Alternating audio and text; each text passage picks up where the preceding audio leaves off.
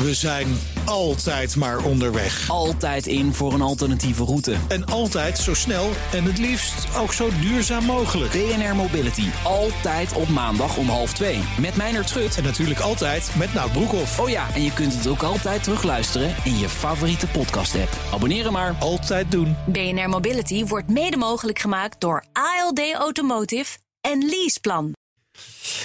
Iedere woensdag spreek ik Marcel Beerthuizen van sponsoringadviesbureau Big Plans over ontwikkeling op het terrein van sport en economie. Marcel, geen tijd te verliezen in ons geval, want ik denk dat het wel duidelijk is waar wij het over gaan hebben. De Super League. Ja, bestaat die nog? Um, op het moment van spreken denk ik wel, maar is het lastig om uh, meerdere wedstrijden af te werken?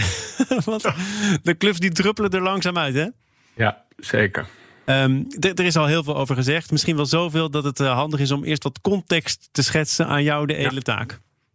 Ja, uh, nou ja, weet je, allereerst verbaasde mij het wel weer dat, uh, dat zoveel mensen verbaasd waren over dit initiatief. Hè? Want luisteren ze dan niet naar, naar BNR, Thomas? Weet je, op 18 november hadden wij het er al over. Nou, hadden we weten moeten weten. Ja. ja, ze hadden veel beter kunnen weten. Nou, wat er natuurlijk vooral gebeurt is dat al die clubs en ook de UEFA en ook allerlei andere mensen zich bedonderd voelden. Doordat die twaalf clubs in eerste instantie zeiden: nee, prima hoor, nieuwe model van de Champions League, daar gaan we wel mee uh, akkoord. Maar, uh, en dan komt er van zondag op maandag opeens zo'n persbericht uh, over een nieuw initiatief. Dus iedereen voelt zich belazerd. Dan blijkt dan ook nog eens een keer dat trainers en spelers helemaal niet op de hoogte zijn. Fans in opstand. Ja, en dan, uh, ja, dan heb je de pop aan het dansen. Wat, wat zijn volgens jou uh, de grootste misverstanden? Dus uh, ten eerste dat het een soort overval is, want dit was al heel lang in de maak. Maar er is wel heel ja. veel meer gezegd. Uh, waar en niet waar. Wat wil jij hier rechtzetten? Nou ja, kijk, de communicatie is sowieso heel slecht natuurlijk. Iedereen heeft last van corona, dus moet je niet zeggen... wij hebben als clubs het meeste last van corona, dus daarom beginnen we hier aan. De timing was echt waardeloos, communicatie was waardeloos. Maar ze hebben ook heel, heel slecht verteld hoe dat model er nou uitzag. Want iedereen had ook de gedachte, en dat merkte je ook in, reacties van heel veel mensen... dat die clubs ook uit hun eigen competitie zouden stappen. Nou, daar was helemaal geen sprake van. Voor heel veel clubs, zeker in Engeland, is de nationale competitie gewoon de backbone ook financieel gezien. Dus die wilden daar gewoon uh, blijven spelen. Ja, en een ander misverstand wat er nu geroepen wordt is ja. Uh, uh, weet je, een gesloten competitie, dat kan nooit spannend zijn. Nou, dat is, dat is ook onzin. Want de hele Amerikaanse sport is gebaseerd op dat gesloten model. Dus dat kan wel degelijk. Dus er wordt van alles geroepen. Het ging, hetzelfde was natuurlijk over he, de juridische implicaties. Frenkie de Jong zou niet meer voor Oranje kunnen spelen.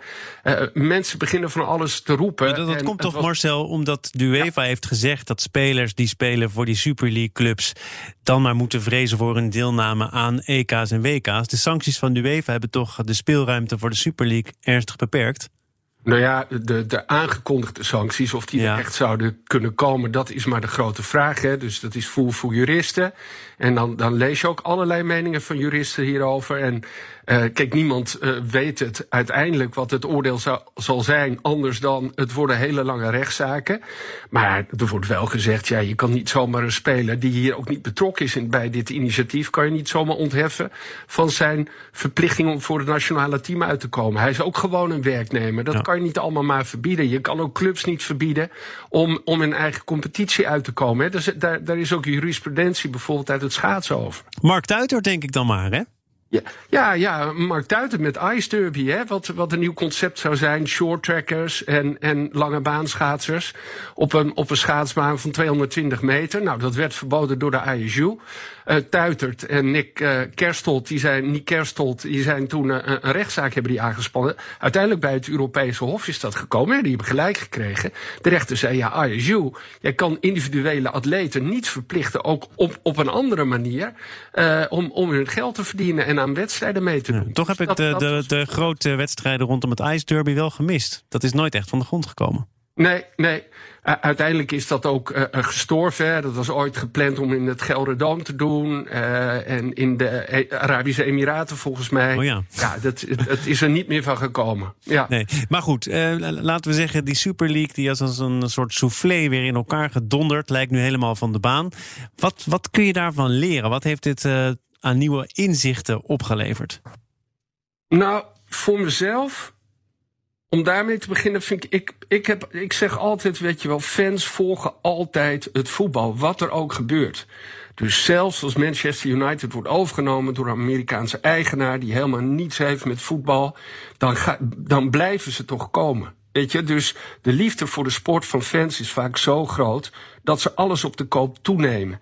En dat ze wel bereid zijn om, om uh, nou, allerlei dingen voor lief te nemen. Dat de prijzen omhoog gaan, dat shirtjes steeds duurder worden, uh, dat het alleen maar om geld gaat. En nu is toch echt gebleken dat fans toch ook dit soort ontwikkelingen kunnen, kunnen stoppen. En dat is alleen maar heel mooi een hele mooie ontwikkeling, kan je zeggen. En ook een mooi inzicht. Uh, en dat komt natuurlijk ook doordat spelers en coaches ook zeiden: ja, wij zitten hier ook niet op te wachten. Hè. Waar, waarom doen ze dit in godsnaam? Het is niet eerlijk. Nee. En uh, ja, dat is dus. Uh, een manier om zo'n megalomaan project om dat tot, uh, tot stilstand te brengen. Uh, het geld en het grote geld is zeker niet weg uit het voetbal. In de Champions League worden ook uiteindelijk miljarden verdeeld.